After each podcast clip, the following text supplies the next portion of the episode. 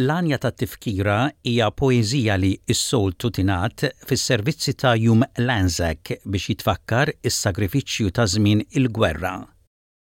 Din hija l-għanja bil-Malti.